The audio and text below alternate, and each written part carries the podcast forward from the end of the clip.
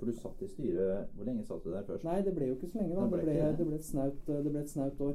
Uh, og så uh, Skal Ingebretsen være med på podkast òg?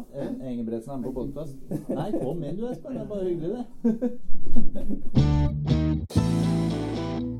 Velkommen til Periprek. Jeg heter altså Peri Arti Olsen, og i studio sammen med meg sitter Fredrik Bergman Abrahamsen. Og som dere kanskje skjønner, så er det noe greier på gang. Fredrik, du har vært ute og preka med Espen Østerhaug, altså kommersiell leder i Fredrikstad fotballklubb.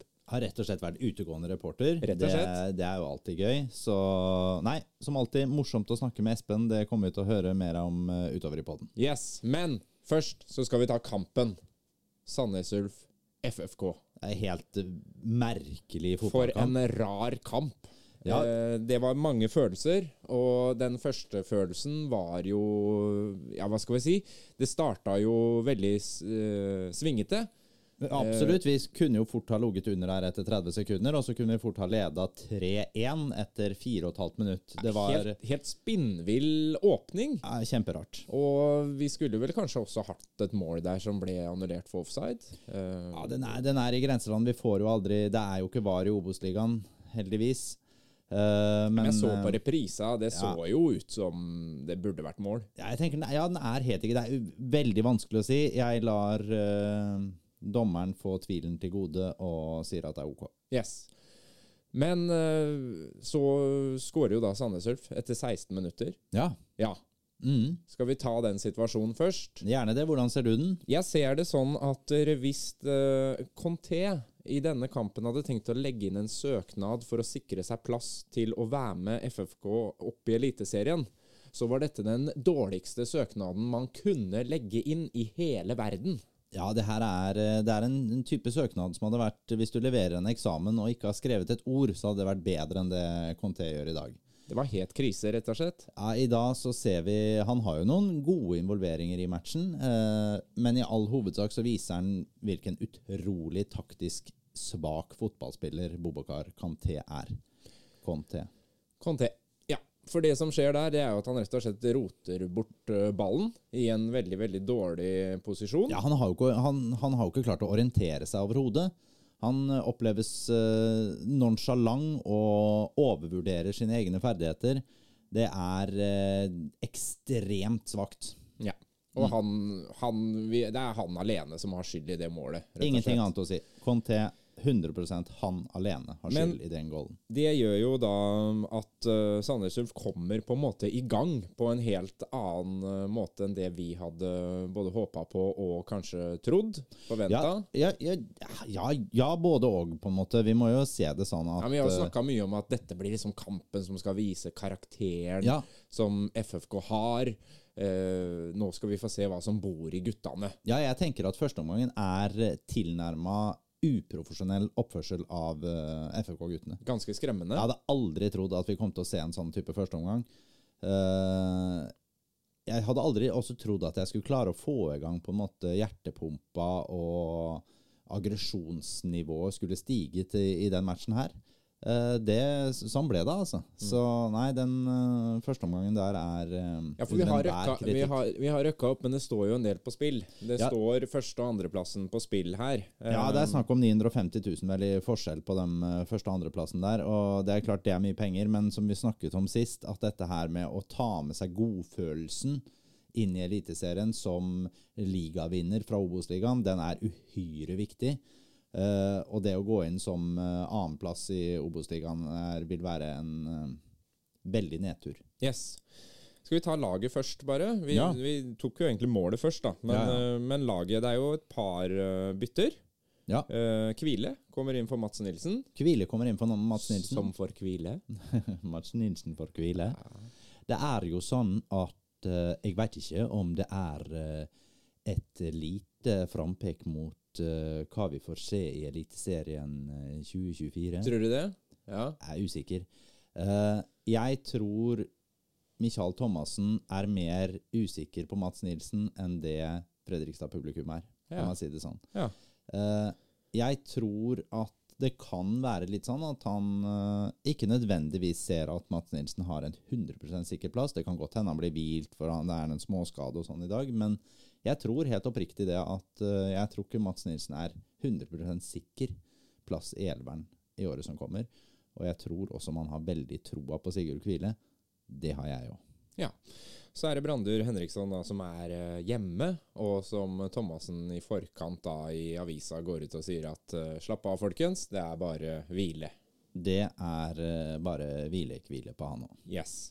Og Det betyr jo at det er Conté som starter, og han har vi jo allerede eh, vært innpå. Uh, han uh, fortsetter jo å gjøre en del rare ting utover i kampen også. Men la oss gå til eh, 35 minutter, hvor vi da får straffe. Ja, det er jo en, en av de mange på en måte litt rare situasjonene inne i 16-meteren, spesielt til Sandnes Ulf. Uh, det er jo små, småspill inne i 16-meteren, og det er jo egentlig ingen som virker som har lyst til å avslutte. Stian Stree Molde får til slutt uh, klemt i vei et skudd, og det er vel eh, Ja, nå husker jeg ikke hvem det var som eh, tok den med handa, men det er en soleklar straffe til FFK. Yes, og da er det Johannes Bjartali da, som Yes. eh, legger Herman Kleppe er det, forresten. Herman Kleppe er det. Ja, det er. Kom på det kom da. på det nå. Ja. Ja. Og han legger ballen på 11-metersmerket, som jeg har eh, behørig lært. Veldig bra. Ja, og klinker den rett inn. Ja, der er han jo sikkerheten selv. Og da er jo på en måte et, Etter en ekstremt svak åpning, da, Mm. eh, eller lagspill, kan vi kanskje si Ja. Midtbanen fungerte jo ikke overhodet i, Ja, i starten av første omgang. Kjempemye rart som skjer. Ja. Men da er vi jo liksom 1-1 og litt inni det igjen. Ja. Og jeg tenker da at jo, jo, de fikk seg en liten kalddusj, men dette, dette går veien. Ja, og så jeg, jeg bare tar med dette her at vi møter ikke et eh, på en måte et publag fra Aremark eh, i dag. altså Sandnes Ulf ligger eh, er det syvende plass, syvende eller åttende på tabellen. Så, det, så det, vi møter ikke et dårlig lag i det, i det hele tatt.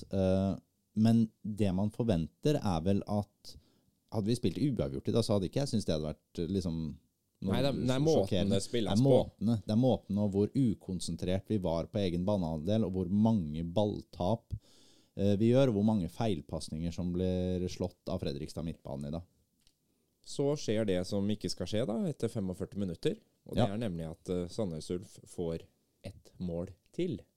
Ja, det er jo også en helt jo kjempe, kjempesnodig. Det er, eh, det er vel Conté som sender den tilbake til eh, Julius Magnusson, som har en helt for grusom involvering, og sender den ut. Og så Det er heller ikke en kompispasning uh, i den situasjonen, da. Nei da, men, he, det, han skal jo få den unna, og så er det så klart så ser jo Sondre Sørløk ut som han er eh, en elleve år gammel eh, et føll. Jeg minna meg litt om meg sjøl på Kråkerøybanen. Ja, han er jo redd for å skade seg. Det Ja. ser puslete og elendig ut. Og eh, det blir en eh, enkel jobb for Sandnes Ulf å slenge, gang, slenge av gårde et skudd som Håvard Jensen ikke Ja, da skulle han vært eh, David Seaman på sitt beste for å ta den. Mm. Og det betyr at det er 2-1 til Sandnes Ulf når vi går til pause. Ja. Hva tror du Thomassen tenker der? Ja, det er Jeg hørte jo pauseintervjuet til eh, Andreas Hagen, som han får spørsmål om eh, Jeg husker ikke hvordan han ordlegger ja, seg. har, men- har han fått ei skyllebøtte, eller Ja. har Thomassen kommet med skyllebøtte, er det vel? Ja, og han sier nei på det. Uh, det, det tror jeg er løgn, rett og slett, for det, det tror jeg de har. Her tror jeg Thomassen har trøkt til noe helt hinsides, for, og det bør han gjøre òg.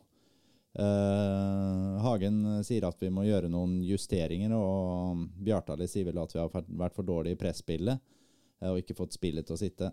Det er veldig mye som ikke sitter i den første omgangen. Og som jeg sa i stad, Jeg syns første omgangen er på kanten til å være uprofesjonell og i hvert fall veldig, veldig ukonsentrert. Men han gjør jo ikke noe bytter i pausa. Han venter til 65 minutter. Ja, det kan også være rett og slett på grunn av at han føler vel at det er så mange som har vært svake.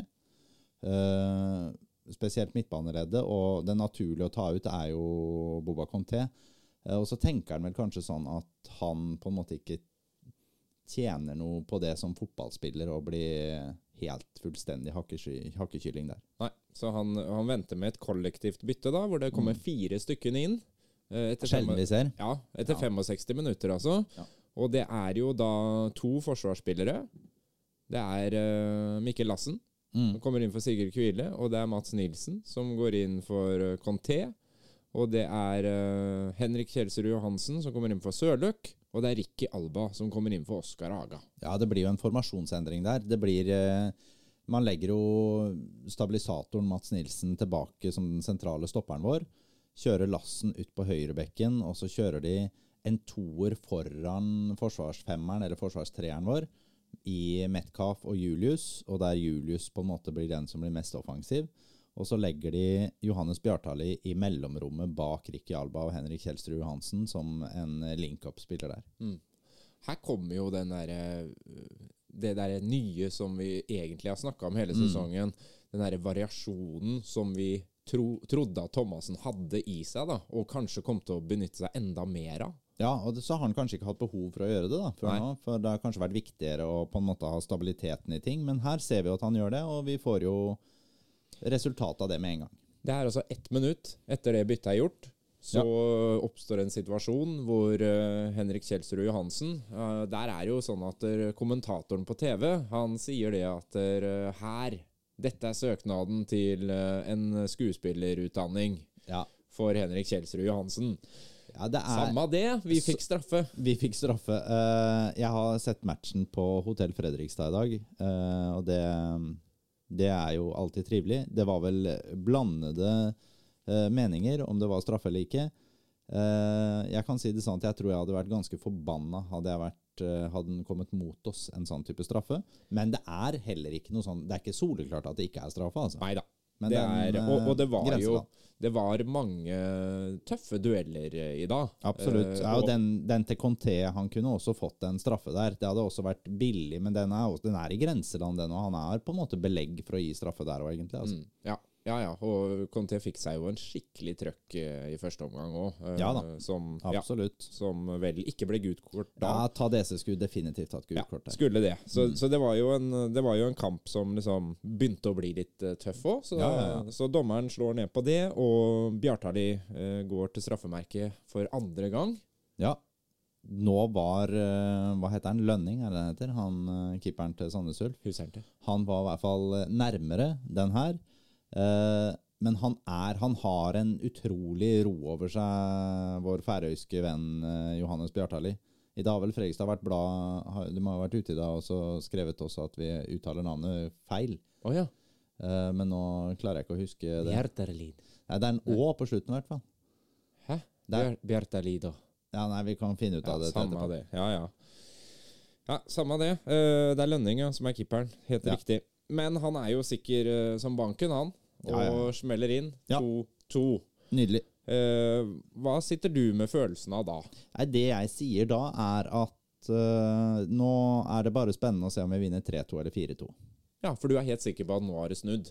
Ja, det tenker jeg. Det, da ser eh, Sandnes Ulf også mer sluttkjørt ut. Uh, vi har fått gjort noen justeringer som jeg tror kommer til å fungere på en helt annen måte.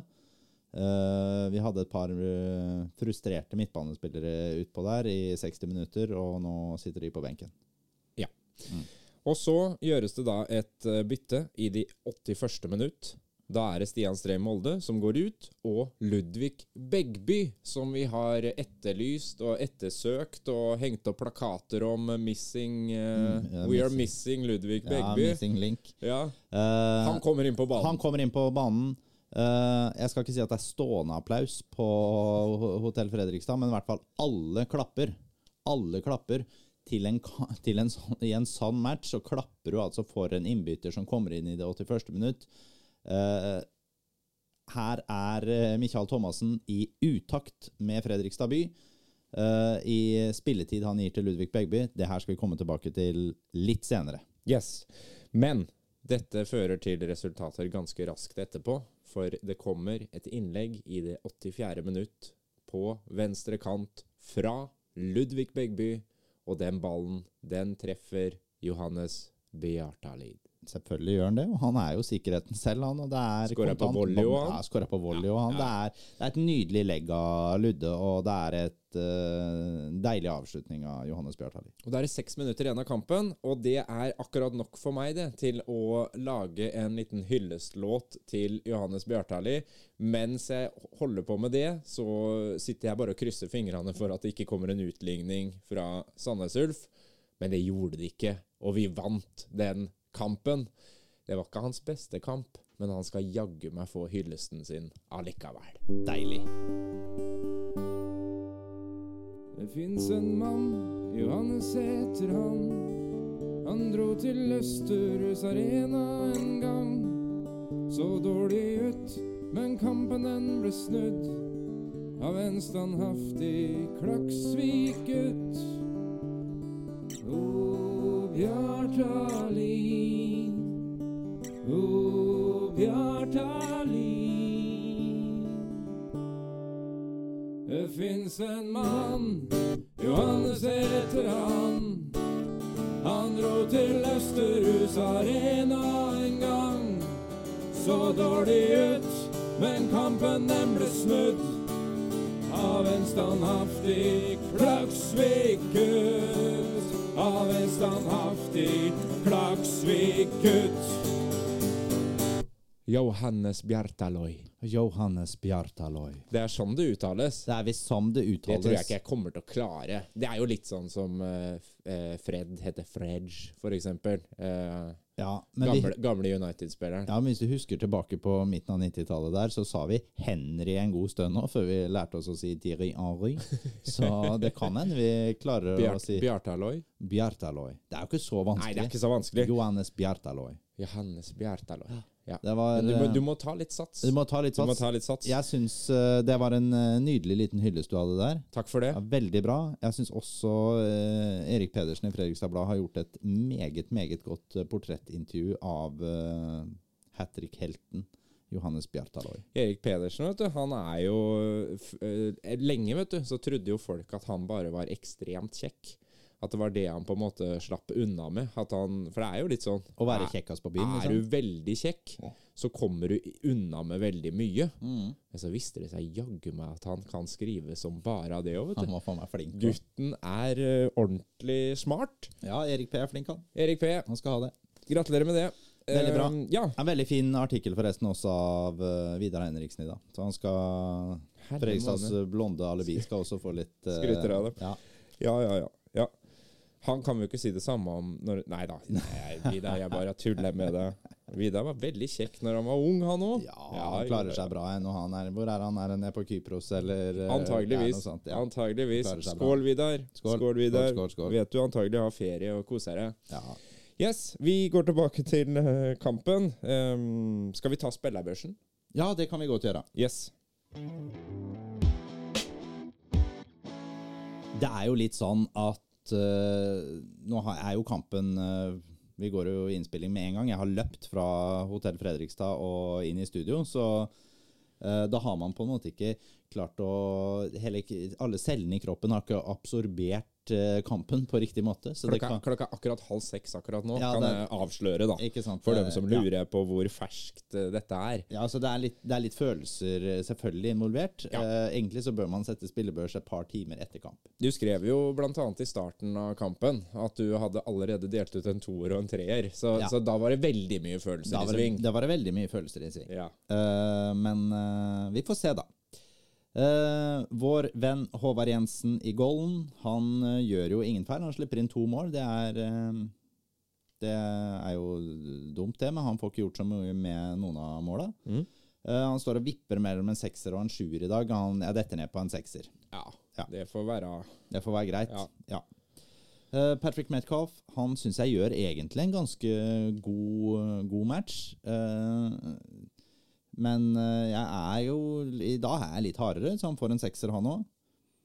Maxwell gjør en meget god annenomgang, men han er ganske svak i noen involveringer i første omgang. Jeg tenkte faktisk på det at jeg tror det er første gangen jeg har sett Maxwell miste ballen i, Ja. en, i en duell nede på linja der. Ja, det var vel i andre omgang. Ja, men, han eh, sliter litt med senegalesiske han- spissen til eh, Sandnes Ulf. Altså. ja, men han rydda også opp en del. Han gjorde det, skal sies. men sånn totalt så detter jeg ned på en sekser på Maxwell.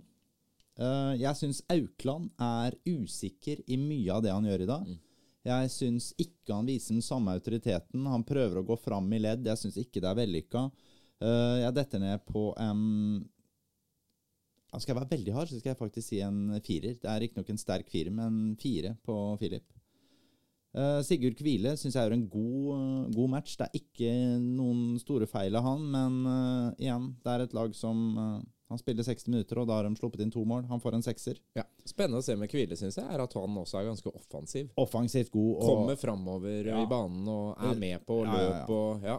rolig med ball. ja, ja. Spilte vegg med Bjartali der og Ja. ordna greia.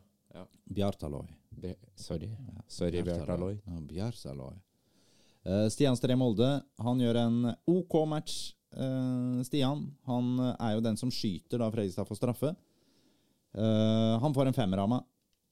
Magnusson, Julius Det er den svakeste kampen hans i Fredrikstad-drakt. Jeg syns uh, førsteomgangen til Julius er under enhver kritikk. Han har masse pasningsfeil. Han er eh, Han ligger også dårlig i enkelte deler av banespillet. Den er svak, men han spiller seg opp i annen omgang, men han kommer ikke høyere enn en firer i dag. Og det Han har vel omtrent ikke hatt lavere enn sjuer i år, så. Sondre Sørløk. Han var ekstremt svak når han eh, kom inn i sist kamp. Der fortsatte han i dag.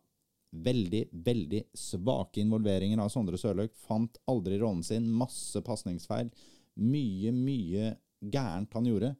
Eh, Sondre Sørløk, du får en treer av meg. Det er en sterk treer. Boba Conté. Blir ikke klok på den spilleren. I dag så gir han Sandnes Ulf et mål. Han har masse pasningsfeil. Jeg syns han har dårlig kroppsspråk på banen. Uh, han har også noen perioder som han klarer å løsrive seg litt og skape litt rom for medspillere, så det, der spiller vi inn litt opp. Men uh, beklager, Boba. I dag er det en treer på børsen. Og da er det vår tremålsskårer, Johannes Bjartaloy. Han eh, spillmessig kanskje den dårligste kampen til Johannes i Fredrikstad-drakt. Ja. Men det skal sies at han har hatt mye bra kamper. da. Han har sinnssykt mye bra kamper, men han skårer tre mål. Han gjør det. Og det er klart, det, da, da kryper det oppover på børsen, men når du skårer tre, så skulle du kanskje tro du fikk nier på børsen.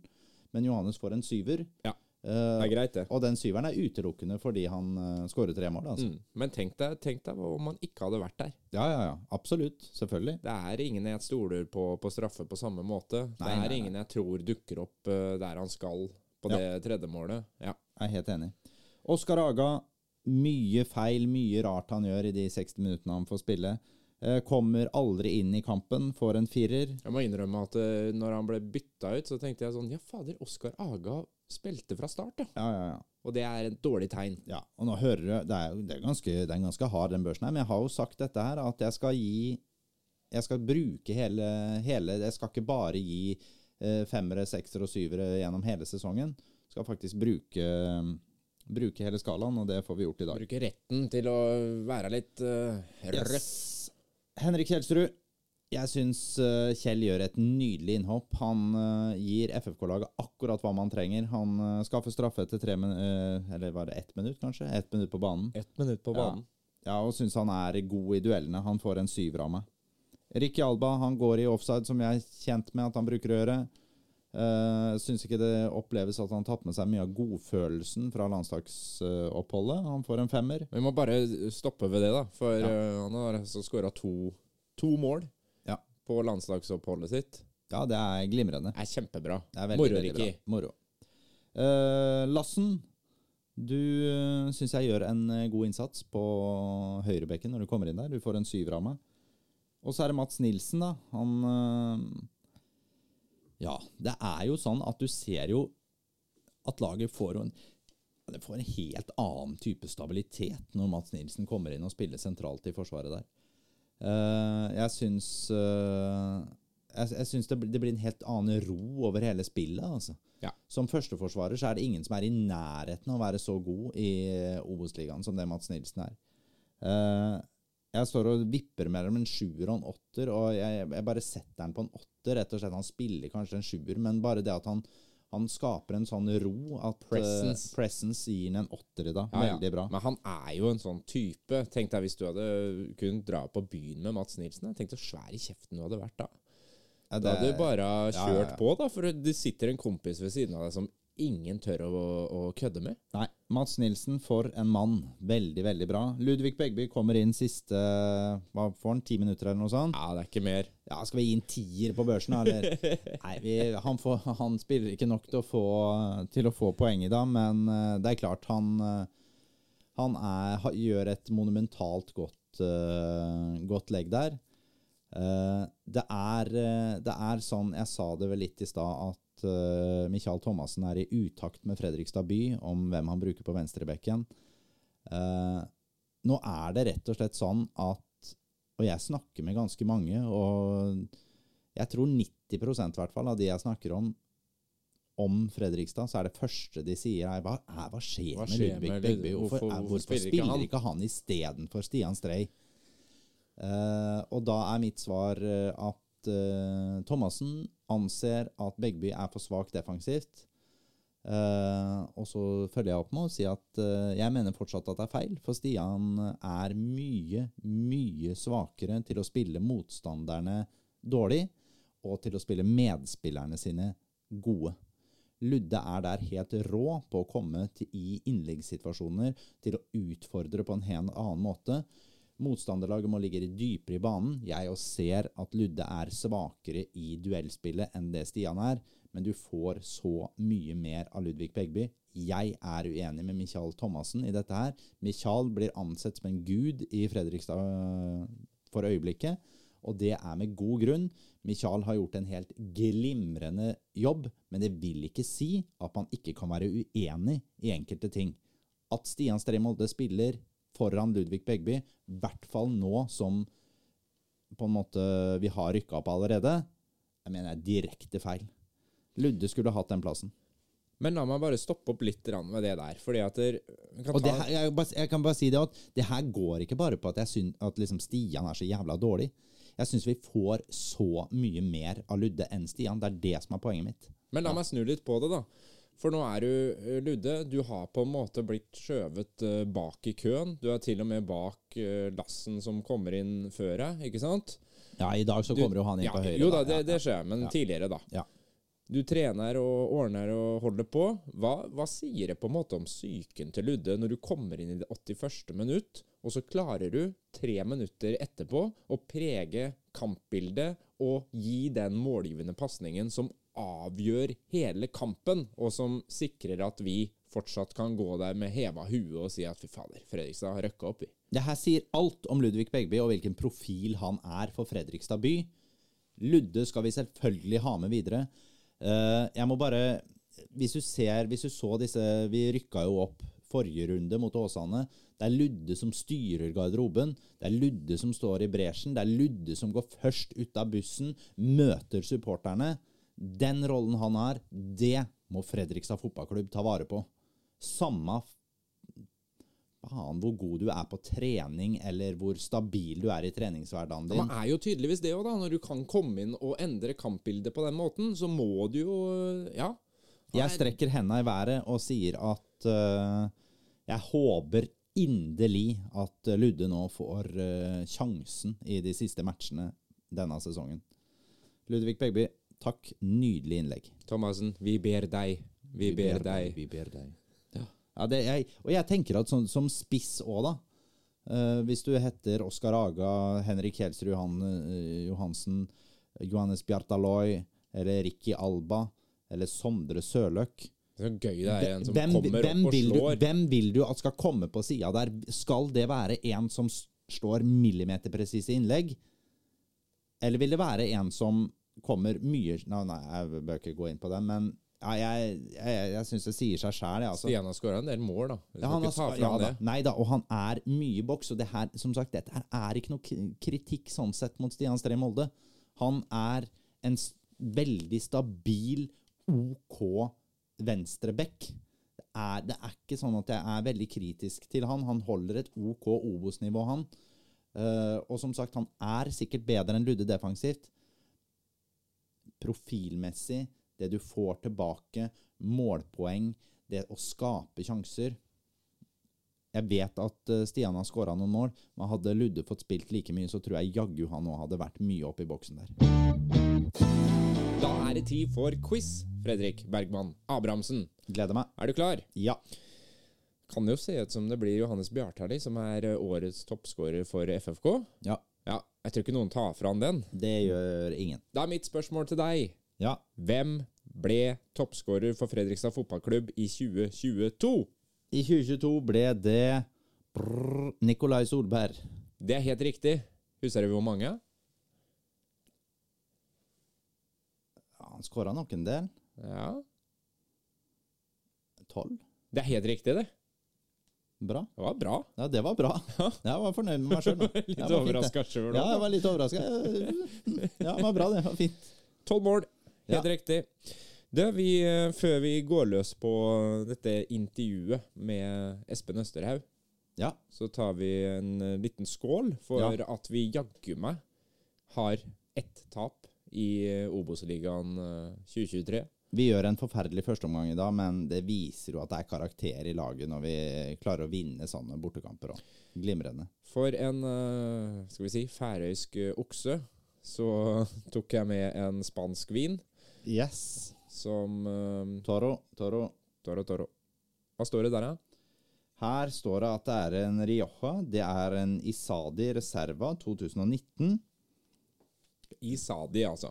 Isa, Isadi. Isadi. Jeg eh, lagde nemlig biff i går Mm. til Roina, og da tenkte jeg en eh, kraftig, god eh, oksevin Deilig. 14% vil passe.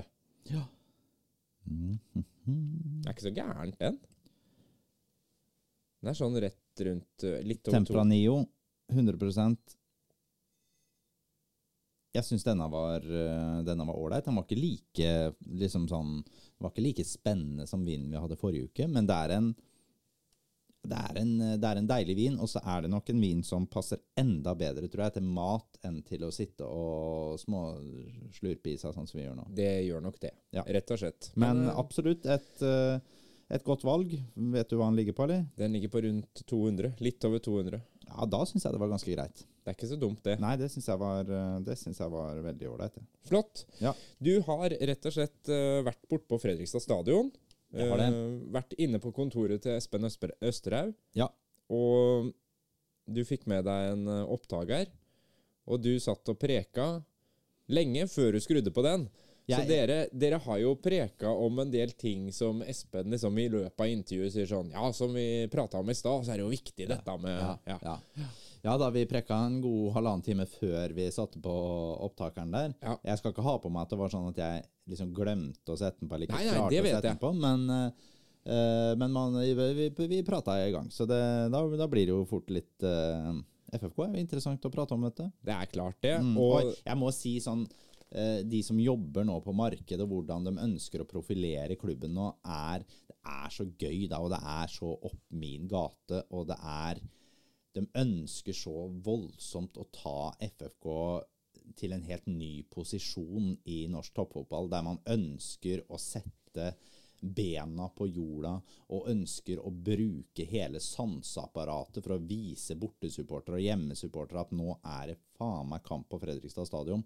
Den jobben og de møtene som er på stadion nå, er så sinnssykt kule. Ja, og jeg er så bare- imponert over Espen, eh, fordi at han framstår jo Altså, han er Lillestrøm-gutt, egentlig. Ja, sånn i bånn så er Ja, det det. men framstår jo som en, en kar med rødhvitt hjerte, altså. Ja, så vet du at han er jo sammen med eh, jente fra Rollsøy som er veldig, veldig glad i Fredrikstad fotballklubb, og det har nok eh, smitta godt av. Det er helt klart. Men vi skal ta tak i akkurat det som du var inne på der, og gå inn på det der med å hva man skal oppleve når man kommer til Fredrikstad stadion.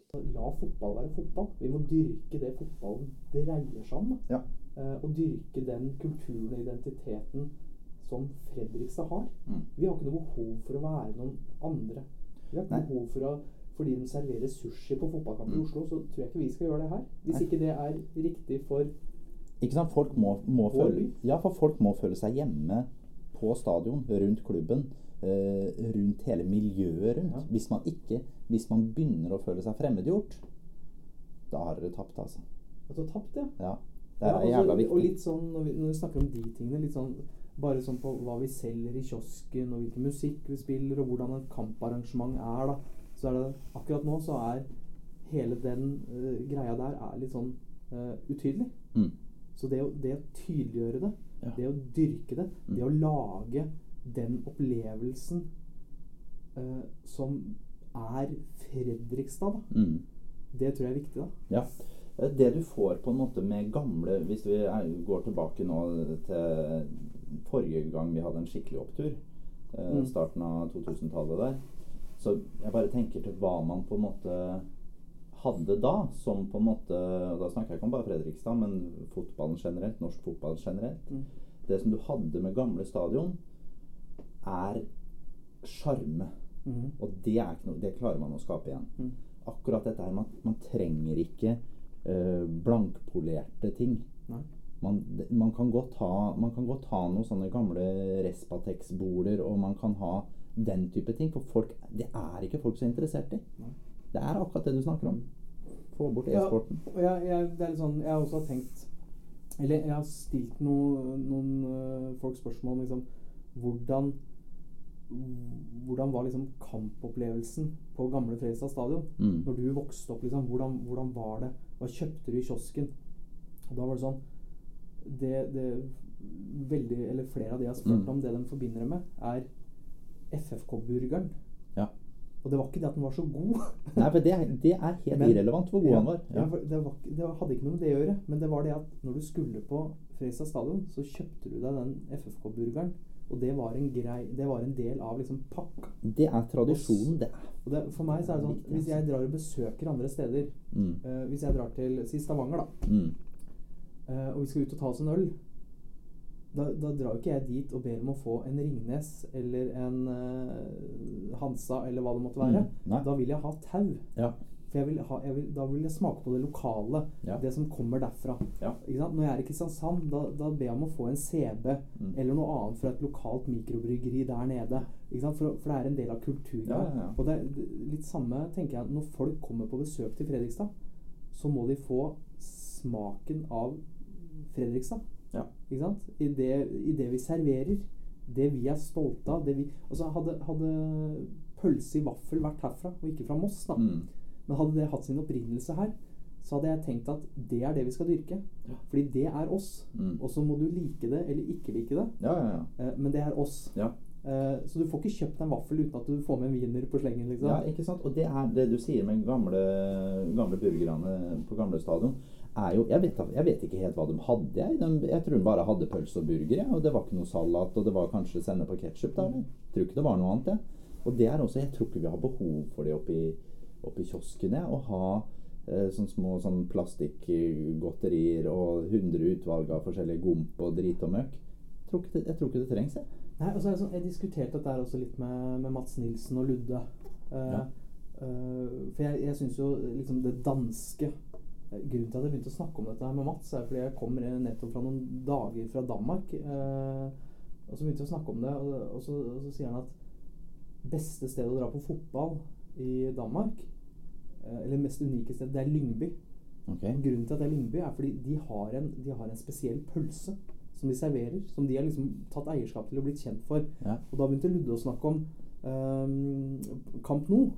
Ja. Jeg har aldri vært der, Ikke så jeg vet ikke. Man prater om at eh, noe av greia der Mm. var at du kjøpte små poser i kiosken med nøtter. Og så satt du og spiste nøtter og spytta ut skallet, på gulvet. Ja. Ikke sant? Ja. Og det er, det er en del av den kulturelle opplevelsen. Ja. opplevelsen. Ja, ja, ja. Jeg husker det, bare sånne ting som Vi var i San Francisco. Jeg har vært i San Francisco to ganger. Og første gangen så var vi der på en sånn eh, restaurant på en, sånn, en av de pirene som stikker ut der. Mm. Og der var det også det der med nøtter. Så du, du fikk sånne peanøtter med sånn doble med skall på. ikke sant? Og så delte du dem, og så kasta du skrotet på gulvet. Så når du gikk inn på den uterestauranten, så gikk du og knasa i nøtteskall, peanøttskall, over hele. Men greia var at neste gang Og det var jeg, jeg var der da jeg var liten med familien min.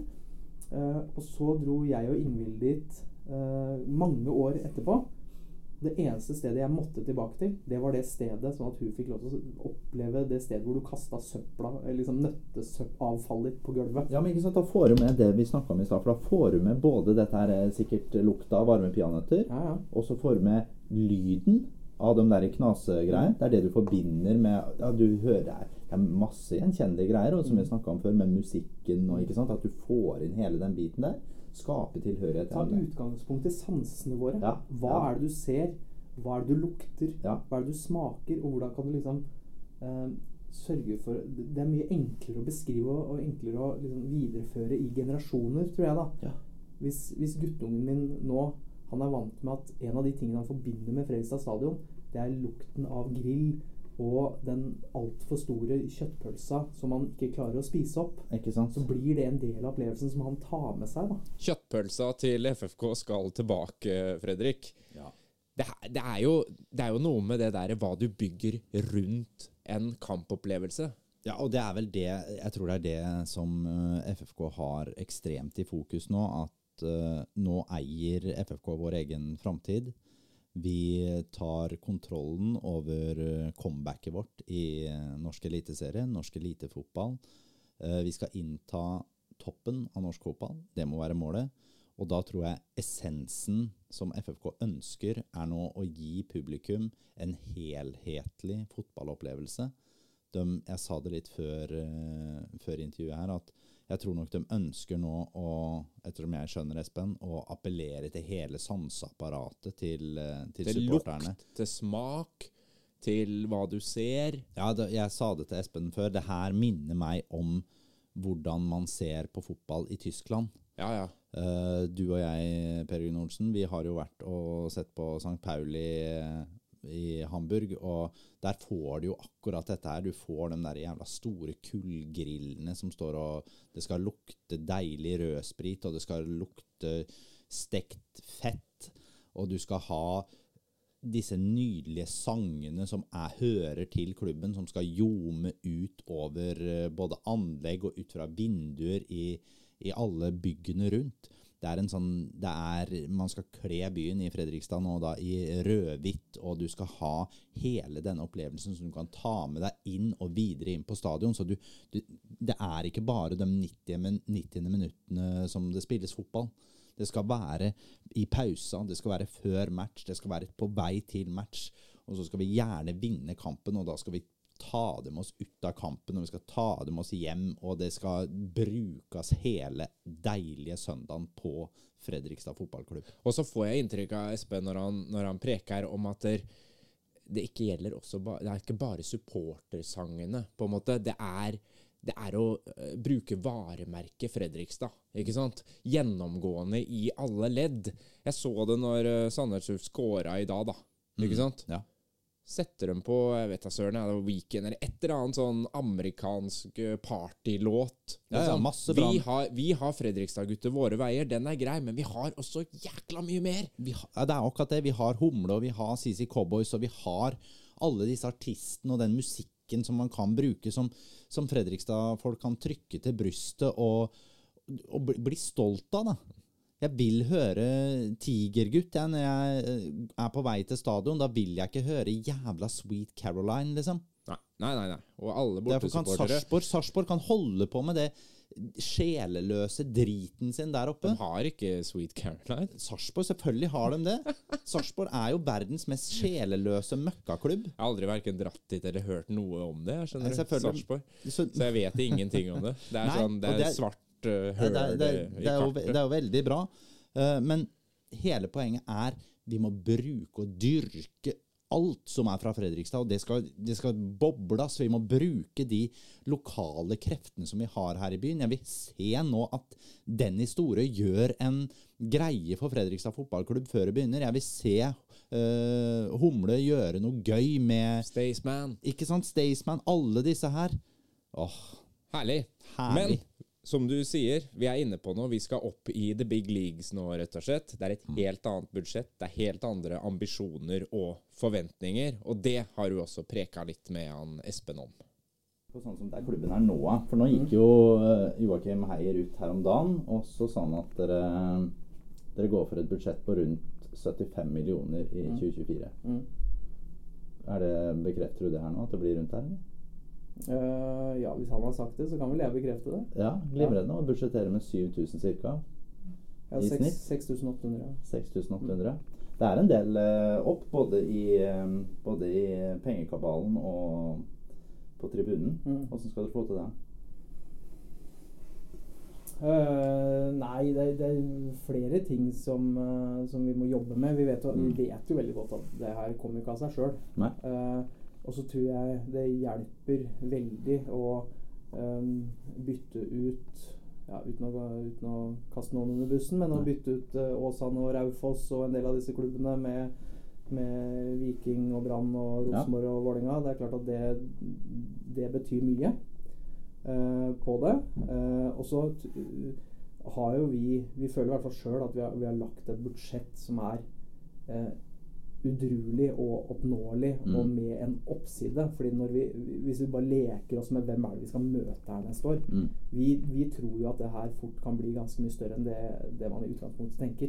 Ja. Eh, fordi når vi ser de lagene vi skal møte Vi vet at eh, vi, vet, vi, har, vi har fått henvendelser fra flere klubber allerede i Eliteserien Mm. så fort vi var klare for opprykket. Eh, mange av disse klubbene, spesielt på Østlandet, kommer til å gjøre det til årets bortetur f.eks. For, for supporterne neste Ja. år. De har ikke hatt mulighet til å dra til Fredrikstad på elleve år. Det syns de er veldig gøy at de kan gjøre igjen. Og det er ikke så stas å dra til Sarpsborg. Uh, ja, det var noen som nevnte det for meg her, eh, men jeg fikk ikke lov til å si det til, eh, til de 08. Men uh, jeg tror nok at det er hyggeligere å komme hit, ja. Ja, det, det tror Det jeg tror jeg så. Altså, Eliteserien er jo Det å spille i Eliteserien vil jo selvfølgelig være en, en del av det. Og så har vi jo en del andre typer ting som vi egentlig har sittet og snakka om her en Ja, time ja. før du skrudde på på-knappen. Ikke? Ja. ikke sant. Men det er jo sånn at uh, hvis du spør uh, Michael Thomassen om hvem som eh, Hvor FFK på en måte er på vei, eller hvor de bør være på vei, Mm. så vil vel han uh, Uten å foregripe hva han ville sagt, så, så vil nok han tenke topp tre og beyond. Det er jo det er, det er vel hans måte å tenke Mm. på. Hva tenker dere som sitter eh, på admin og markedet? Hvor, hvor, lang, hvor, hvor stor kan FFK bli? Nei, jeg, jeg altså jeg, jeg tror at det som forhåpentligvis kan være en fordel, da, er at vi, vi er ganske mange i klubben her nå som er ekstremt ambisiøse. Mm. Uh, men ikke blindt ambisiøse, men det å hele tiden ha noe å strekke seg mot. Det å, det å tørre å tenke stort nok, da. Mm. Eh, hvorfor, altså, hvorfor skal eh, en klubb som Bodø-Glimt kunne omsette for 300-400 millioner og spille i Europa, og så skal ikke FFK kunne det? Ja. Ikke sant? Vi har jo også skrevet i virksomhetsplanen, den nye utgaven av virksomhetsplanen, at vi drømmer om Europacup på Fredrikstad stadion. Mm. Og så er det ikke dermed sagt at det er realiserbart eh, eh, når vi sitter og snakker her sammen om, om et år. Nei. Eh, men at det er det som strekker oss hele veien. Ja. Vi, altså, vi har en holdning om at vi, vi skal ikke bare rykke opp til Eliteserien og, og være en del av Eliteserien. Vi Mm. ønsker jo å prege Eliteserien og Ja. bidra, Mm. på en måte. Uh, og så får, så får vi se hvor langt vi klarer å ta det nå i første omgang. Men at ambisjonene er høye, det er det jo ikke noe tvil om. Nei. Hvor, hvor tett eh, Du sier at du samarbeider eh, kanskje tettest da med Espen og Anders, Mm. sånn direkte. Hvor mye ser dere til eh, gutta på sport, da? Hvor, hvor, hvor tett er det? Det tror jeg kanskje mange lurer på, som Mm. på en måte en fotballklubb i det formatet Fredrikstad fotballklubb er. For nå, er- nå må vi bare ta med oss at nå er vi blant de ti største i Norge. Nå må vi, nå må vi bare si det Tørre å si det. Vi må tørre å si det nå. Mm. Hvor tett samarbeider da administrasjonen med sport? Helt, eh, altså Joakim og Michael, resten av trenerapparatet. Hvor mye ser dere til hverandre?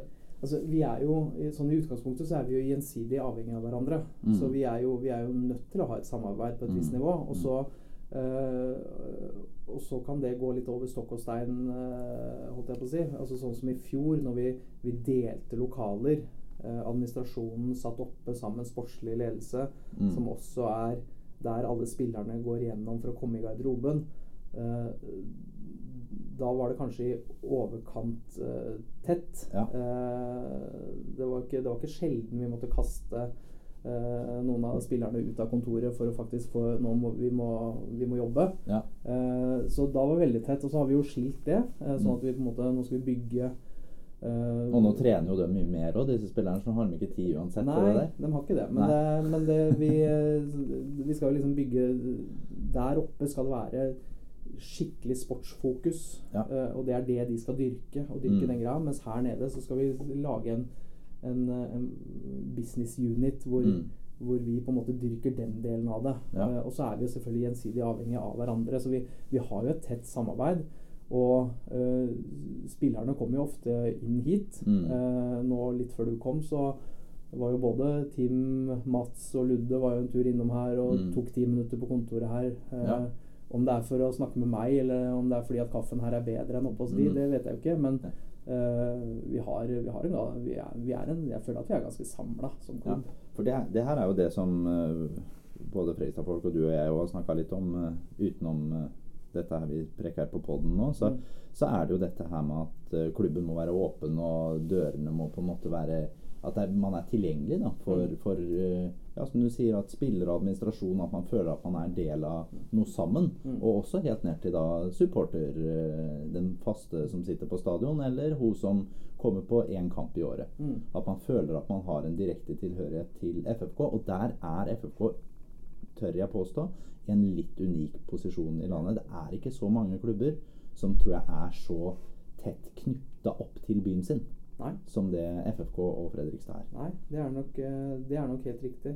Og det er, jo, det er jo også mye av grunnen til hvorfor vi la administrasjonen i de lokalene vi har lagt dem i. Mm. Eh, For her er vi på bakkeplan. Ja. Eh, Vi er mye mer tilgjengelige. Døra står stort sett Den står alltid oppe mens vi er Mm. her og innafor si, åpningstidene våre. Ja. Eh, Vi har som regel alltid kaffe på, på kanna. Eh, Får vi kake servert, så sender vi ofte ut melding til folk om at Ja. nå er det kake, så bare sving innom.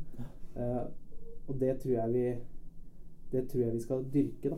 Eh, jeg tror vi skal ta vare på det. At det skal være den Selv om man vokser, selv om man blir mer profesjonell. Fotballen går jo i en retning hvor den er veldig profesjonell. Altså, Ja. det, er, det er som Espen sa her på, når han ble ansatt, at den tippeligaen vi rykker ned til, er noe helt annet enn den eliteserien vi skal opp til. Mm. Uh, og det legges budsjetter.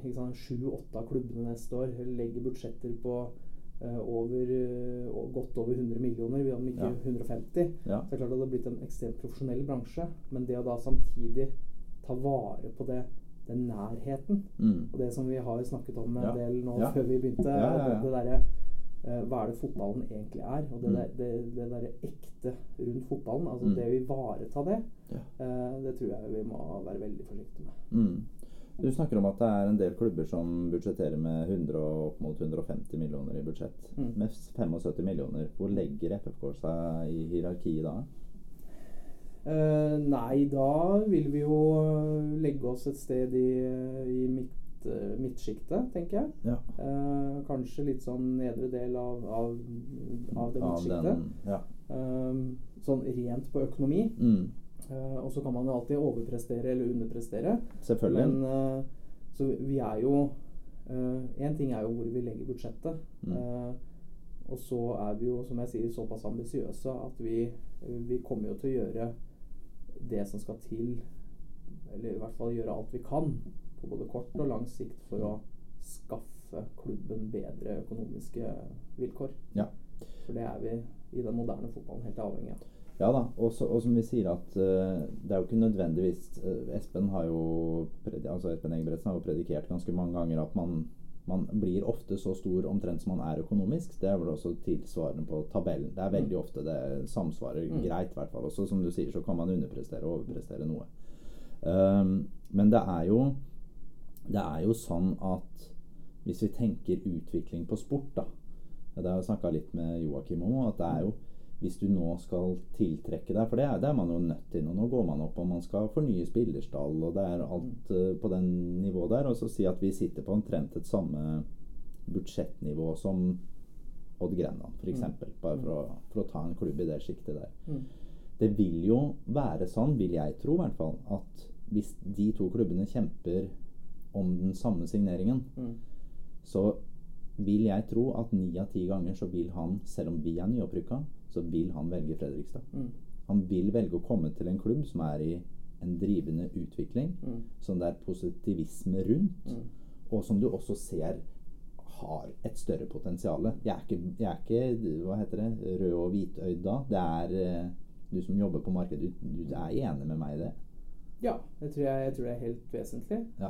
Eh, og så, eh, så har vi jo Det er på en måte de eksterne faktorene du snakker om da. Ja. Da snakker du om byen, Mm. eh, klubbens historie, Ja. eh, liksom disse type tingene. Mm. Som jeg tenker er, et, eh, det er en veldig fordel for oss som klubb da, når vi skal ut og konkurrere. Ja, Merker dere Eh. også det når dere henvender dere til eh, sponsorer som også er ikke på en måte de Ja, men ikke, ikke bare Lokale, sponsorer. men- Ikke bare sponsorer. Altså, jeg var i et møte i går med hele norsk toppfotball på Gardermoen. En sånn heldagsmøte. Um, og da, eh, da, da viste de eh, Fra TV 2 sin side så viste de en promofilm, en ny promofilm de har lagd om cupen for neste år.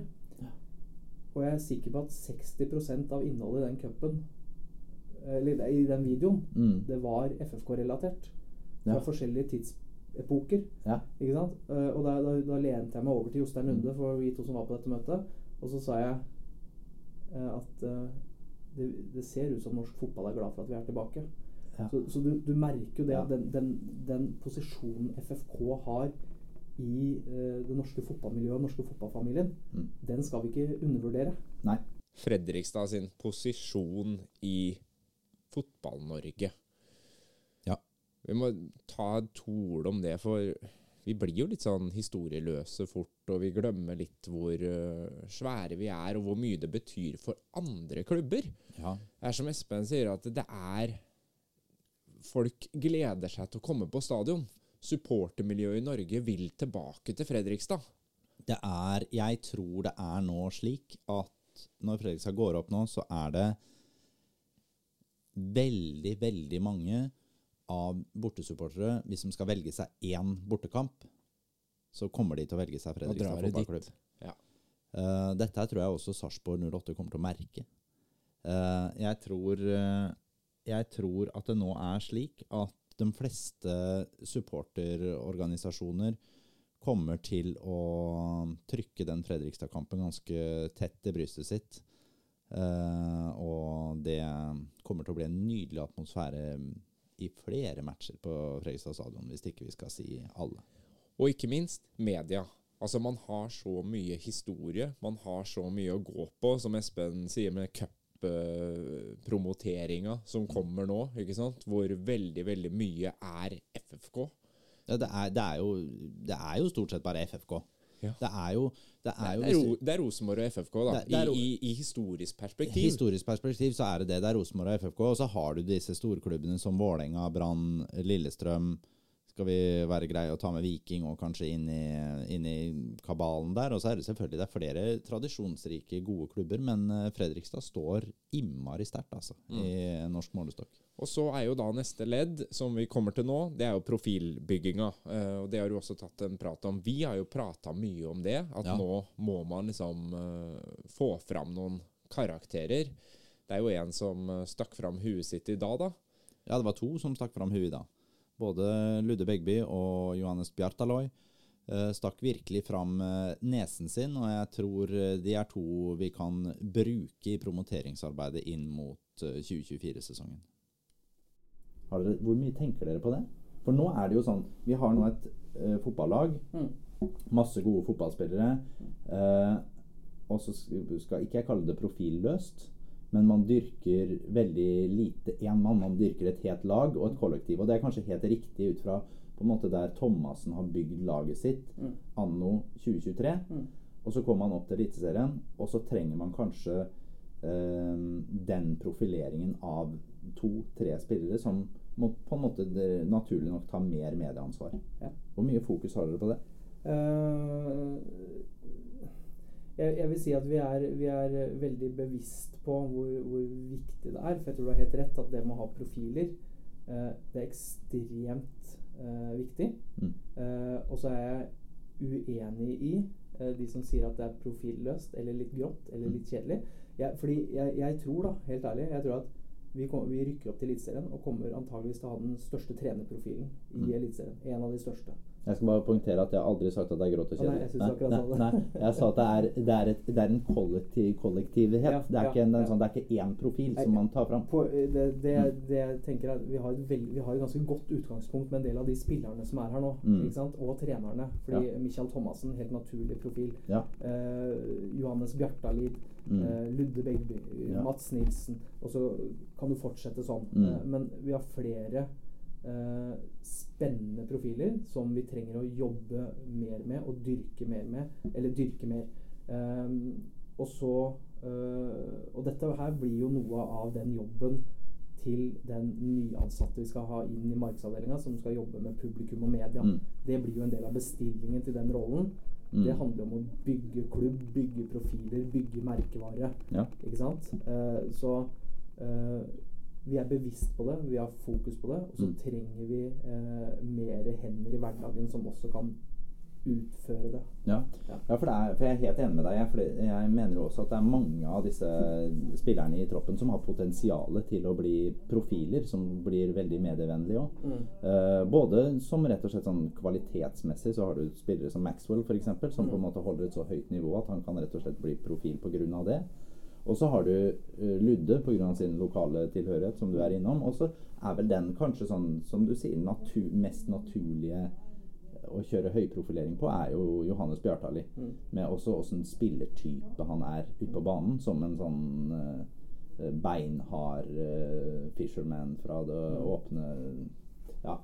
Uh, så, så man har jo absolutt noen, eh, noen muligheter her. Og så sier du så skal det jo komme da inn en eh, en fyr eller dame som skal hjelpe dere nå på markedet og fylle stadion. Mm. Hvor langt er dere i prosessen der? Eh, prosessen er at vi har jo hatt eh, stillingsutlysningene ute. Mm. eh, og fått eh, ekstremt mange søkere. Jeg tror vi har bikka 60, hvis det ikke er mer enn det.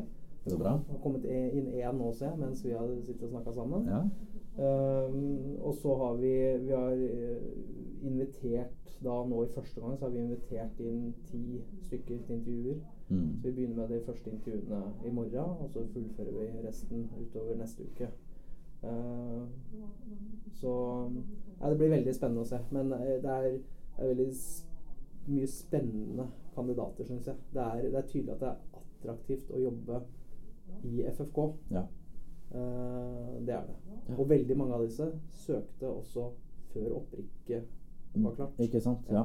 Og så står det står vel i den uh, søknaden deres så står det 'snarlig tiltredelse'. Er det ikke noe sånt dere har eh, Er det sånn at man håper at den skal gå i 100% rett ut før jul? Er det det man vil? Nei, ja, ikke før jul. Det tror jeg nok ikke vi får til. Eh, det, det har også litt med, med budsjetter og sånn å gjøre også. Mm. Men et ønske om at den personen er på plass her eh, fra starten av januar. Ja. Mm. For det er klart at januar, februar, mars eh, Det er jo da hovedjobben før sesongen for en sånn type ressurs vil være.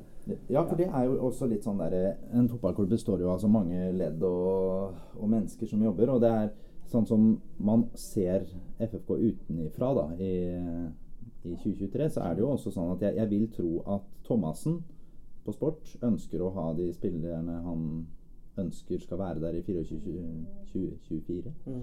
mest mulig klare 1.1. Så hvis han skal hente inn fem spillere, så antar jeg at han vil ha inn tre av dem, i hvert fall, så at de skal stå klare der. Akkurat som nødvendigvis deres markedsteam bør stå klare. For det er jo, det er jo noe med det at den seriestarten, selv om den nå Vi sier vi har verdens lengste fotballopphold i Norge med disse seks månedene våre, så er det allikevel at den tiden fra 1.1. og fram til eh, seriestart i starten av april der, den går vel ganske raskt likevel? Ja da. Dere har nok å gjøre? ja, ja abs absolutt. Og det er jo eh, det er jo litt sånn morsomt akkurat det perspektivet. fordi når, når spillerne har uh, hatt sin siste hjemmekamp, Mm. uh, og eh, ofte drar på en form for botur eller noe sånt, så får vi også spørsmål om ja, skal, dere på, skal dere på noe tur nå, eller blir det noe Mm. ferie? Men det er jo da høysesongen for alle oss andre starter. Ja. For det er jo, eh, så sånn sett er det jo kjempefordel for oss som klubb at det eh, opprykket var sikra på et så tidlig tidspunkt. Altså Nå har vi hatt sesongkortsalget åpent i eh, det blir vel litt over en uke, eller? Ja. Eh, eller ja, halvannen uke. Mm. Mens i fjor så åpna vi, så vi først sesongkortsalget en måned fram i tid. Ikke sant? Ikke sant? Så vi får, Ja. vi får en måned lengre tid på bare sesongkortsalget. Vi får en måned lengre tid på å legge alle planer, og vi må legge alle planer for hele neste år. Det må vi gjøre nå. Mm. Uh, vi får en måned ekstra på å få inn en ressurs. Mm. Alle disse her tingene. Ja, for det her må jo være en, det må være en gavepakke, det her at det ble klart at du får halvannen måned, måned ekstra å jobbe på. Kjempefordel. Ja. Uh, kjempefordel. For det, det gjør at vi på et tidligere tidspunkt kan vedta budsjetter. Mm. At vi på et tidligere tidspunkt kan komme i gang med viktig eh, jobb. At eh, Joakim eh, Det er klart at han, når du jobber som sportssjef og dette med spillelogistikk og så Mm. det er jo en sånn ongoing greie Ja, som hele tiden ligger der. Ja. Men det betyr at nå nå kan jo han jobbe mer konkret, antageligvis. da Ja, så er det jo. Ja, det er jo en vesentlig forskjell for han selvfølgelig å gå og snakke med en agent nå og tilby vi vet det blir eliteserie, eller sannsynligvis blir det, eller det kan bli. Mm. Det, det er jo et helt annet utgangspunkt å, å tråkke til med det. Så tusen takk til sport for det. Tusen takk til sport. Og apropos sport, da. Åssen er det med Hva tenker du i forhold For det er jo, det er jo noen seriekamper igjen her. Ja. Eh, hvor stor eh, forskjell er det hvis vi kommer på annenplass i forhold til å beholde den førsteplassen nå?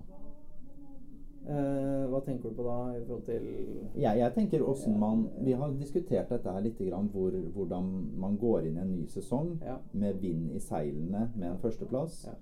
Og på en måte hvor hemmende det For jeg tror det er ganske stor forskjell. Hvor hemmende det vil være nå å komme på en annenplass. Selv om før sesongen hadde tatt en idé, et eh, opprykk med annenplass. Ja, ja. Men rykker Koppa opp som nummer én og FFK opp som nummer to nå, Ja. så er jeg ganske sikker på at fokuset da vil være at Koppa de detter uansett ned, og et Fredrikstad-lag som da kom bak Koppa på tabellen, de kommer til å slite. Det blir et negativt fokus med en gang. Jeg, jeg tenker jo at, eh, jeg tenker jo at vi, eh, vi får en veldig god test nå. Mm. Uh, ikke sant? Og det, det handler litt om hvordan du responderer, da. For vi fikk jo det første tapet vårt, og hittil Mm. Ja, ja, ja. ja. det eneste tapet mot, uh, mot Koffa. Mm. Og da, da, var vi, da var vi uh, spente på hvordan responderer vi på det. ja. Og det responderte vi veldig bra på. Mm. Og så blir det jo det som blir interessant å se nå, er hvordan responderer vi på uh, at opprykket allerede er sikra. og så føler jeg meg eh, ganske trygg på at uh, Michael Thomassen han vil bli seriemester i tillegg. Mm. Eh, det holder ikke å bare rykke opp. Eh, han vil også bli seriemester, og det vil jo resten av klubben også bli. Så eh, jeg tror du har helt rett i at eh, det Du kan få en litt sånn negativ greie hvis man nå plutselig snubler litt Mm. og plutselig havner på Ja. andreplass. og Liksom sånn. Uh, og så har det jo en økonomisk betydning i det. Det skiller jo ca. en million kroner Ja, på førsteplassen og andreplassen. Eh, så det er viktig for oss. Uh, men det er et så konkurransepreget miljø eh, på stadion her at eh, det er, jeg, tror ikke det er, jeg tror ikke det er tema at man slipper seg ned en prosent engang. Yes, Hvordan de responderte på det her, eh, Fredrik, for dette intervjuet ble gjort på torsdag, det vet Mm. vi jo nå. Det var eh, ganske opp og ned, men de dro det i havn.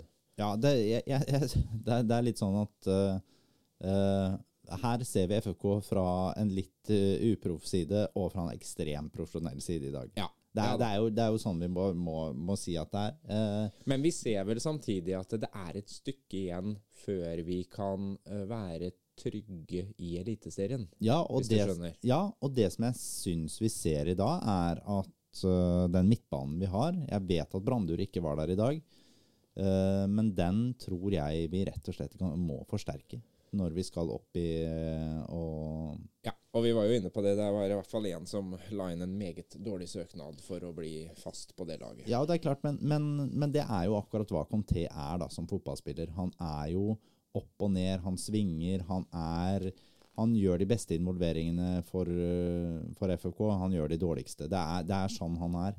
Uh, men det er ikke sånn at Sondre Sørløk er så innmari mye bedre i dag, han, altså, for han gjør mye, mye feil, han òg. Så ja, det er mye som ikke fungerer på den midtbanen øh, i de minuttene som de er øh, på banen i dag. Og Ja. vi, vi må, vi må der er, det, er, det er helt naturlig at vi trenger å forsterke oss der. og hvis vi ikke gjør det, så tro, tenker jeg at vi er litt eh, blåøyde i møte med norsk toppfotball. Ja, ja, fordi at der, det er vel kanskje det liksom, største spørsmålet nå. Hvor, hvor, stor er forskjellen? ikke sant? Eh, og den er ganske stor. Det har vi hørt både når det kommer til økonomi, både når det kommer til spillerprofiler, og ikke minst hvem som nå kommer og besøker oss på stadion. Nå kommer Rosenborg, nå kommer Molde, nå kommer Bodø-Glimt, nå kommer Brann, nå kommer Viking. Helt andre supportere og helt andre spillere som venter. Eh, det er jo sånn at nå kommer vi i en situasjon som vi skal spille eliteseriefotball. Da skal vi ta imot noen andre supportere enn det vi har gjort nå. Det er forskjellig å ta imot tolv uh, stykk fra Åsane enn å ta imot uh, 2000 fra Brann, eller tre, eller hva de kommer med for tida. Uh, samme med Vålerenga. Det er forskjell å ta imot 13 fra Koffa eller klanen som kommer inn. Mm. Hvor mye har dere tenkt, hvor mye er dere forberedt på hvordan bortesupporterne kommer til å innta byen? Eh, igjen litt sånn som spørsmålet i stad. Vi er veldig bevisst på det. Ja. Eh, og så er vi jo per nå ikke klare til å ta dem imot Mm. eh, på den måten. Eh, og det, det dreier seg om flere ting. Det dreier seg om eh, ulike ting vi er nødt til å utbedre på stadion eh, for å sikre det. Eh, det dreier seg også om eh, å kunne tilby Vi ønsker å kunne tilby bortesupporterne et produkt som gjør at de snakker varmt om det å komme til Fredrikstad. Ja. Eh, for det er sånn jeg opplever at de snakker om Fredrikstad forrige gang Fredrikstad var i Eliteserien. Mm. Det må vi jo prøve å gjenskape. Så eh, vi har jo mange tanker og mange planer eh, for eh, og ideer som vi nå skal begynne å konkretisere og lande for hvordan, hvordan skal vi sørge for at det blir en så fin opplevelse som mulig for alle. Mm. Uh, og så har vi, har vi jo eh, noen måneder på oss nå på å få dette på plass. Ja. Og det er jo, dette er jo noe av det vi bruker mest tid på nå. Mm. Uh, det er jo å rigge altså, Vi har, vi har snakka om i hele år om at vi skal rigge oss for Eliteserien. Både som klubb og som lag. Uh, og stadion og supporter og liksom alt. Vi, Ja. vi må rigge oss for Eliteserien. Og det, det har vi jobba med til et visst punkt uh, fram til nå.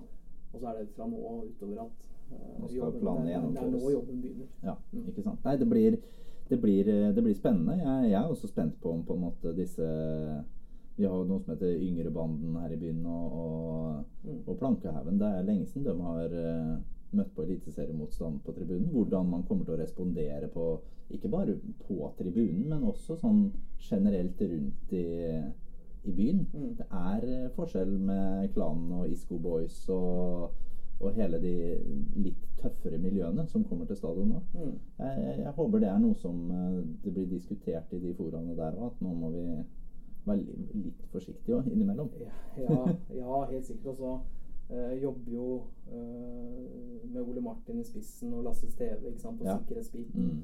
Eh, tett kontakt med politiet. Og det er jo de som jobber med dette her i hverdagen. Så jeg, eh, jeg vil jo anta og føle meg ganske sikker på at de, eh, de vet hva som kommer. Ja. Eh, og sånn som Lasse Steve, han har jo vært med på dette også før. Ja.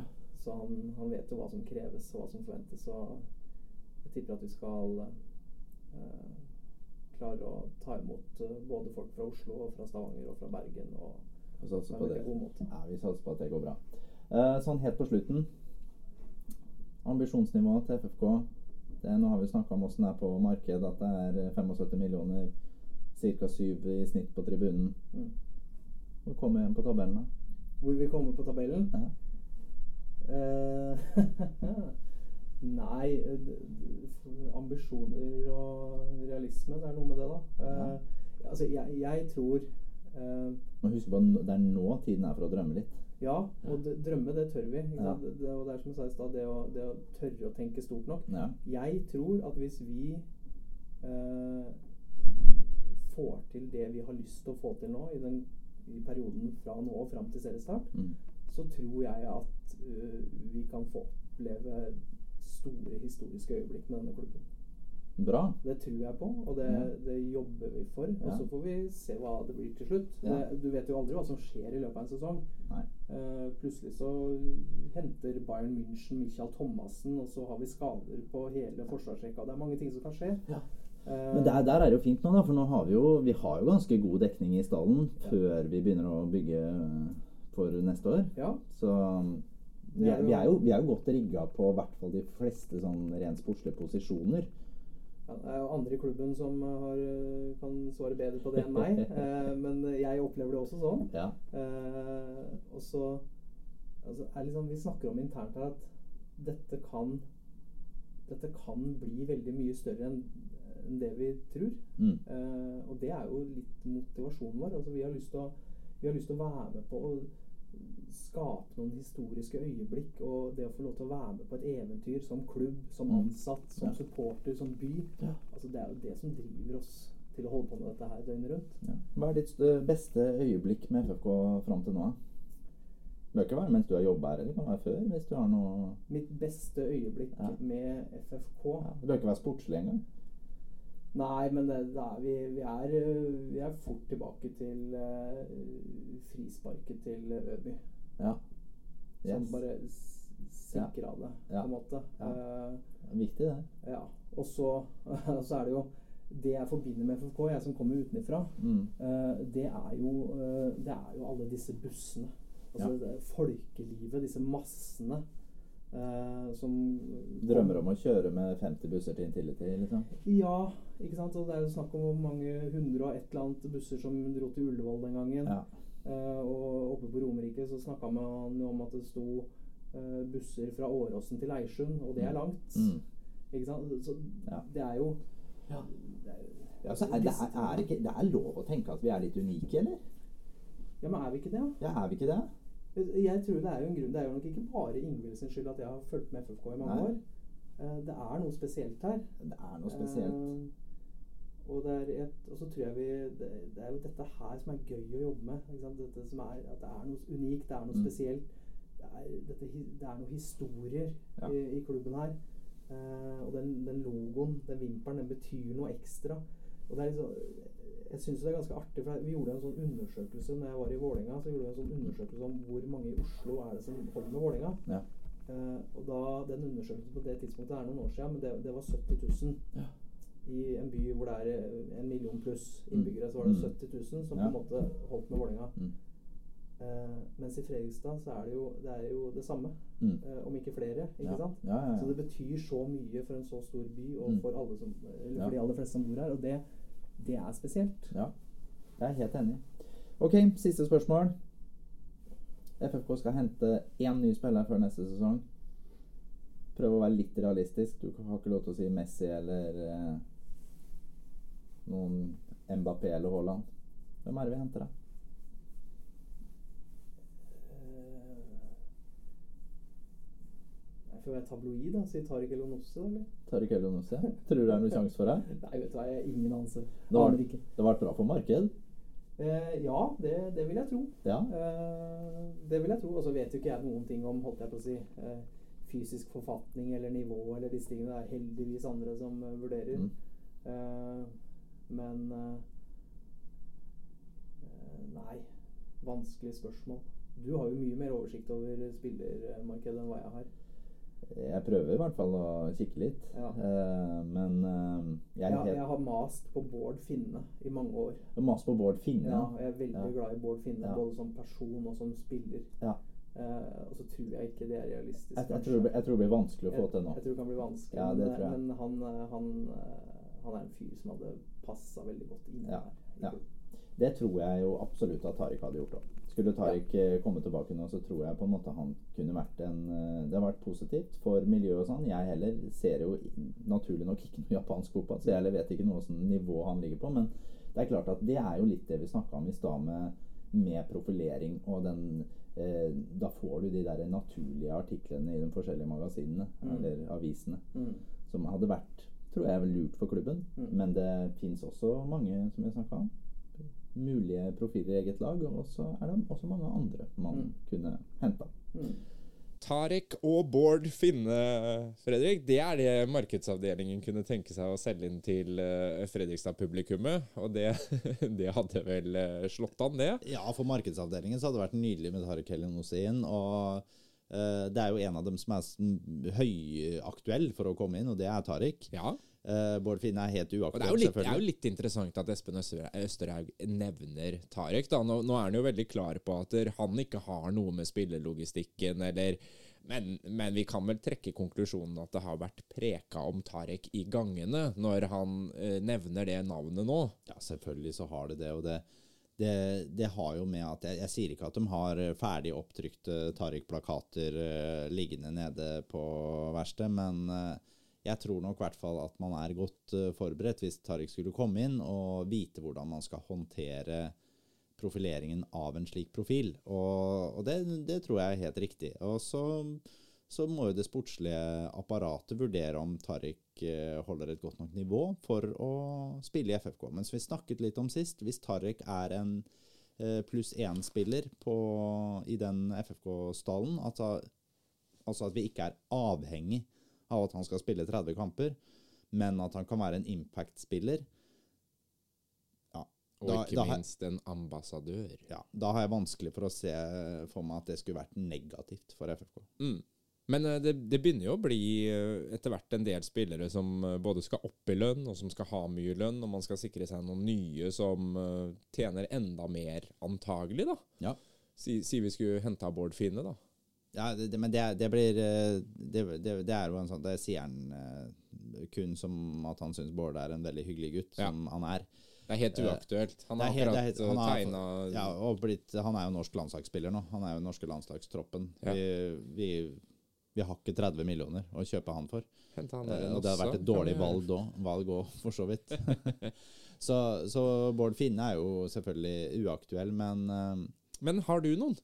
Ja, noen... Eller du har jo alltid noen, på en måte. Men vi, vi gikk jo gjennom eh, 12-14 spillere sist. Ja, da kan- hadde du jo en lang rekke, men jeg vet jo at det huet ditt det kverner hele tida, så du har antagelig et par nye på lur. Ja, jeg har, jeg har jo alltid mange lurer på lur, jeg. Og, og det er jo litt sånn som når vi snakker om disse spillerne inn, så gjør vi nettopp dette her for å vise litt åssen markedet er, og hva man som sportssjef må på en måte ha kontroll på. Det er det jeg syns er litt det er litt gøy å lufte de navnene her. og det, Da må vi snakke selvfølgelig om hvor mye økonomisk de vil koste å kjøpe de ut fra en annen klubb, og selvfølgelig hvor mye det vil spise av lønnsbudsjettet, og hvor aktuell en sånn spiller ville vært for en nyopprykka klubb. Men der stiller Fredrikstad et ganske hva skal jeg si, en egen posisjon, da. Det gjør de. Det har vi skjønt. Ja. Uh, vi kan godt trekke fram noen i dag òg. Ja, gjør Vi skal gjøre det enda mye raskere enn det vi gjorde sist. Det tror jeg vi skal gjøre, for vi har brukt mye tid da, vet du. Ja, det er deilig, det.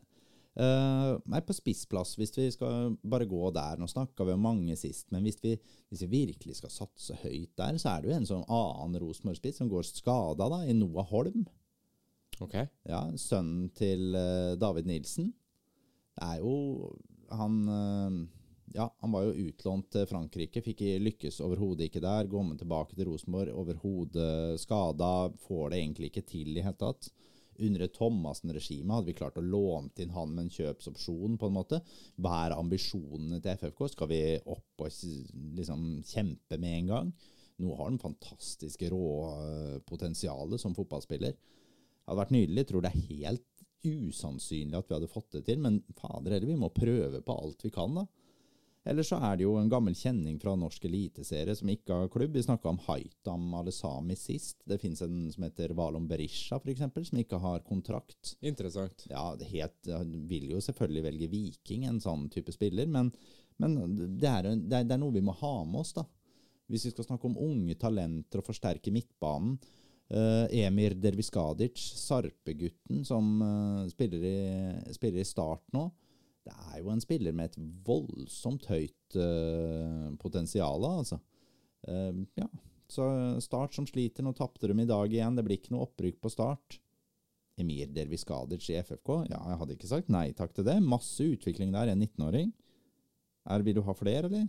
Ta et par til, da. Ja, skal vi ta en uh, som ikke har kontrakt til, da? Ja. Gamle landslagskapteinen til Norge. Kjetil Rekdal. Jeg fyrer fra hofta, jeg, vet du. Bare å- Ja, Kjetil Må eh, ikke tenke på det. Kjetil har nok litt mye pondus nå, men det er en som heter Stefan Johansen, Ja, ja, ja. som uh, ikke har klubb nå. ja men tror du eh, det hadde vært mulig, liksom? Nei, jeg tror også han går til Bodø, så jeg tror ikke det er mulig. Men han er nå kontraktsfri. Mm. Er en mulighet. Kanskje han går til Saudi-Arabia. En veldig mulig det òg. går an å være på jobb. Men poen, poenget mitt er bare at det fins ganske mange spillere i forskjellige sik- eh. Og vi må finne ut hvor vi skal legge, legge lista, og så må, vi, så må vi prøve oss. Og så må vi prøve oss på det høyeste nivået, så får vi se hvor vi ender opp til slutt. Eh, vi snakka om keeperplassen eh, sist, og nevnte tre keepere da. Jeg kan nevne en ny en i dag. Odd-keeper Per Christian Bråtveit, mannen som sto for nødlandslaget den ene matchen er jo en keeper som har slitt litt med holdningsproblematikk, men toppnivået til Per Christian Bråtveit er jo fantastisk. Han har kontrakt som går ut etter sesongen i Odd. Selger vi inn det at han skal kjempe med Håvard Ensen om førstekeeperplassen? Ja, kanskje ikke vært umulig. Nei, hadde vært et morsomt, eh, morsomt eh, valg, vil jeg, vil jeg si. Veldig bra. Ja. Vi skal ta runden veldig veldig kjapt. Eh, Vi går ikke sånn kjempe inn på kampene, men det er jo verdt å merke seg at det blir uavgjort mellom Hødd og Sogndal. Ja, Vi kan ikke gå inn på kampene i dag, for vi, ja, vi har jo ikke sett noe. Så jeg har bare sett resultater. Ja da. Men som sagt, ja, det blir 2-2 i uh, Fake it till you make it. jeg. Absolutt. Du klarer å preke deg rundt det jeg, for det. jeg klarer det. 2-2. Sheriven har scora for Hødd, vet Ja du. Det da. liker du å preke om. Det liker jeg. Og Shriven han eh, kan jo ha, selvfølgelig ha redda plassen til Hødd med den uh, skåringen han får der. Kan jo faktisk det. Ja, og det er igjen skuffende av Sogndal at de ikke, ikke klarer å vinne. Og nå, Sogndal og Start da på 42 poeng på femte- og sjetteplass, ikke sant? Ja. Mens eh, Hødd er på 26, bare ett poeng bak Jerv. ja. Ja. Nå nevnte du jo Start, og Start eh, ødelegger jo for seg sjæl igjen. Nå hadde de på en måte et lite siste halmstrå med å kunne være med og krige om den direkte opprykksplassen med Koffa, men driter seg selvfølgelig ut igjen. Mot Som- Mjøndalen. mot Mjøndalen, som er vår motstander neste kamp, og det mest tannløse laget jeg veit om i Obos-ligaen. Det er kjedelig, og det er grått eller brunt. Mm. Eh, Det er Tokstad som skårer førstebåret, og selvfølgelig Love Reutersverd som skårer mål Ja, nummer to. Og, og Mjøndalen dreper Start sitt eh, i hvert fall direkte opprykksmål, og med det stiller seg i en bedre posisjon til å klare å sikre plassen. Jerv eh, var vi også inne på. Taper 2-0 mot Kongsvinger. Ja, det er jo, nå er det jo første matchen etter at uh, uh, Vegard Hansen er, uh, Sparka ut. er sparka ut. Det var jo Det eh, må være den korteste avskjedsmeldinga som noen gang har blitt gitt i eh, fotballhistorien, eller? Ja, det er eh, Den er eh, Vegard Hansen har gitt seg. Ja. Takk for nå. Uh, La meg nå bare Nå gikk jeg ut på hjemmesupporterforumet til Kongsvinger supporterklubb. Skal jeg bare lese et lite utdrag der? Uh, nå går jeg midt inn i teksten hva de skriver om det.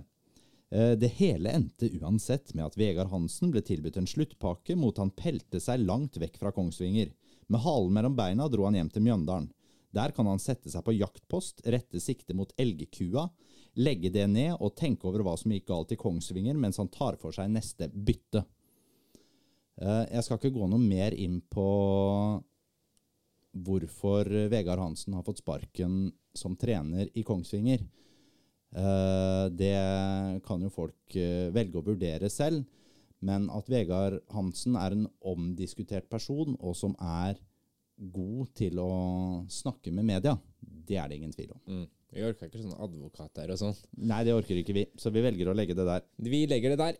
Ok, Kristiansund vinner 4-1 over Åsane. Åsane som var litt sånn Jeg har litt sånn sympati for Åsane, jeg nå. Ja, ja, det er det. Og så ødela vi på en måte den gode stimen som de var inne i, med å banke Ja. de 4-0 uh, eh, i Bergen sist runde.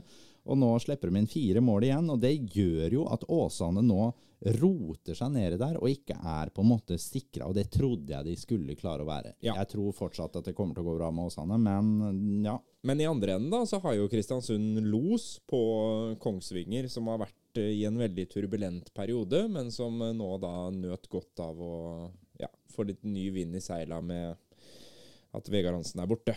Ja, absolutt. Og Kongsvinger, nei, og Kristiansund nå, som, nå fikk de jo i gang eh, Benjamin Stokke igjen, som skåra to mål. Det er jo veldig lenge siden han har skåra. men med to mål på Benjamin Stokke nå, så er jo på en måte Kristiansund i den posisjonen at de, de er seks poeng bak eh, Koffa. Hvis Koffa skulle tape i morgen, tre kamper igjen Det er ikke så superenkelt, det programmet til Koffa på slutten. altså. Er Kristiansund en reell utfordrer til å kunne snuse på direkte opprykksplass? Jeg tror ikke det, men de har nå gitt seg selv muligheten, i hvert fall. Mm. For i morgen så spiller også Bryne mot Skeid, KFØ mot Raufoss og Moss mot Ranheim. Den som lever, den får se. Ja, og det er klart at Koffa der skal jo slå det Raufoss-laget, men vi vet jo det at uh, Raufoss plutselig drar fram noen helt fantastiske kamper opp av hatten, og det, det kan de gjøre igjen. Og det Ja, det hadde vært spennende for norsk eh, fotball og Obos-ligaen om eh, vi fikk litt uh, nerver på slutten her. Mm. Frøysa, vi møter Mjøndalen neste veke. Ja. Ja, da har du trua. Du har trua. ja, det er Love Reutersvær Derby, rett og slett. Ja. Det Jeg tipper 5-1. Det er Love som skårer. Det er to av Bjartali. Det er eh, Brandur, faktisk, som er inne igjen. Det er et ett mål av Metcalf. Og det er Oskar Aga. Yes. Ble, Det, fe- ble fem det der. ble, jeg ble usikker. Syns det var så veldig mange, plutselig. Det ikke så veldig Det var ikke matte som var det sterkeste faget mitt, for å si det sånn. Nei, jeg tror Det var eh, prek. det var prek. Du var god Ja, i prek. ja. Du var god i prek sjøl, jeg tror eh, du er innpå nummer 5-1. Uh, jeg velger å si 4-0. Og jeg velger å si at uh, Johannes Bjartaloi skårer eh, to mål. Mm. Det var det jeg sa òg. Ja, og jeg tenker at han er liksom kanskje på vei til å bli toppskårer i Obos-ligaen. ennå. nå. Eh, og så, For nå er det, er det Pedro som har 14, og har kanskje også Benjamin Stokke 14, eller? Jeg lurer på det. Også. Kan hende det. Så det han, han har på en måte heng. Det er kort tid igjen, men det er mulig. Ja, to mål av Bjartaloy, og så tror jeg at vi får se det første Maxwell-målet. Oh, det hadde vært kost! Det hadde vært veldig kos. Og så 4-0-målet Ludvig Begby. Oh. Det hadde vært en deilig match. Fader, da skal jeg lage hyllestlåt til Ludvig Begby. Lover du det, eller? Ja, for, men jeg lurer på liksom, hva er uh, musikksjangeren til Ludde Begby? Ja.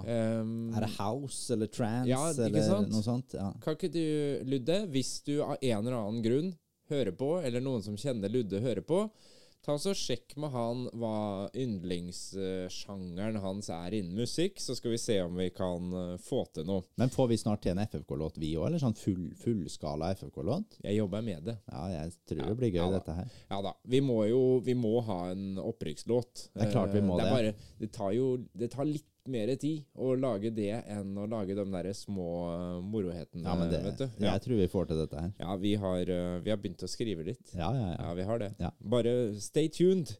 Nå skåla vi litt mer på Isadi. Isadi, Isadi. Jeg syns den kom seg, jeg. vet du hva, den grodde veldig på meg når Gjorde vi fikk i hvert fall drukket opp en Og når du hører prisen 219 kroner på polet i Torbyen.